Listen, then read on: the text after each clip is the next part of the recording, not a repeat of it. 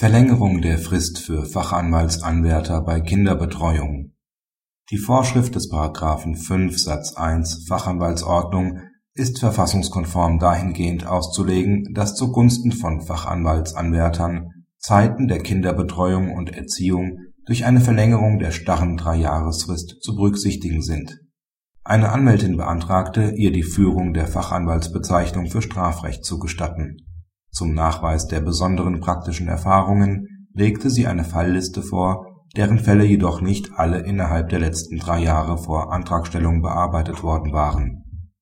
Zur Begründung der Fristüberschreitung berief sich die Anwältin darauf, dass sie sich in der Zeit vom 1.5. bis 31.12.2000 und vom 10.2. bis zum 15.11.2003 wegen der Geburt ihrer beiden Söhne in Mutterschutz und Elternzeit befunden habe die Rechtsanwaltskammer lehnt den Antrag gleichwohl wegen ungenügenden Nachweises praktischer Fähigkeiten ab.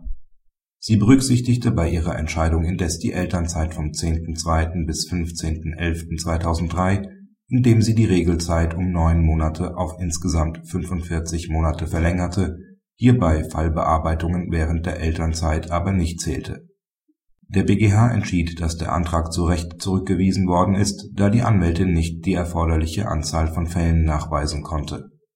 Die starre Dreijahresfrist des § 5 Satz 1 FAO verstößt in der gebotenen verfassungskonformen Auslegung nicht gegen den Gleichheitsgrundsatz des Artikel 3 Grundgesetz bzw. den in Artikel 6 garantierten Schutz von Ehe und Familie die von der Rechtsanwaltskammer vorgenommene Verlängerung der Dreijahresfrist um die neun Monate, in denen die Anwältin sich im Mutterschutz bzw. Elternzeit befand, trägt den verfassungsmäßigen Anforderungen hinreichend Rechnung.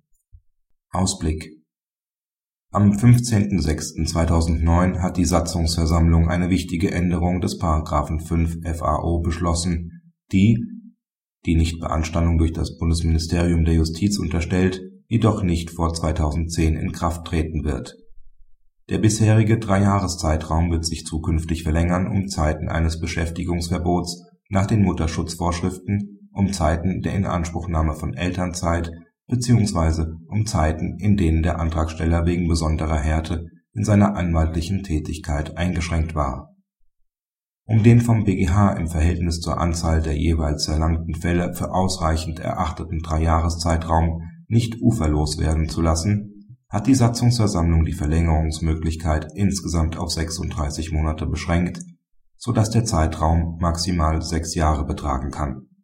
Bereits vor Veröffentlichung dieser Entscheidung des BGH hatte der zuständige Ausschuss der Satzungsversammlung Handlungsbedarf in diesem Bereich gesehen.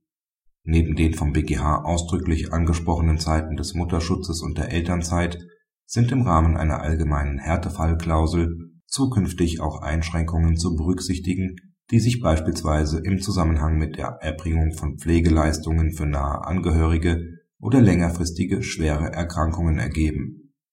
Fälle, die ausschließlich in Zeiten einer Verlängerung bearbeitet werden, sind zukünftig, anders als dies die Kammer in dem BGH-Fall entschieden hatte, beim Nachweis der besonderen praktischen Erfahrungen mitzuzählen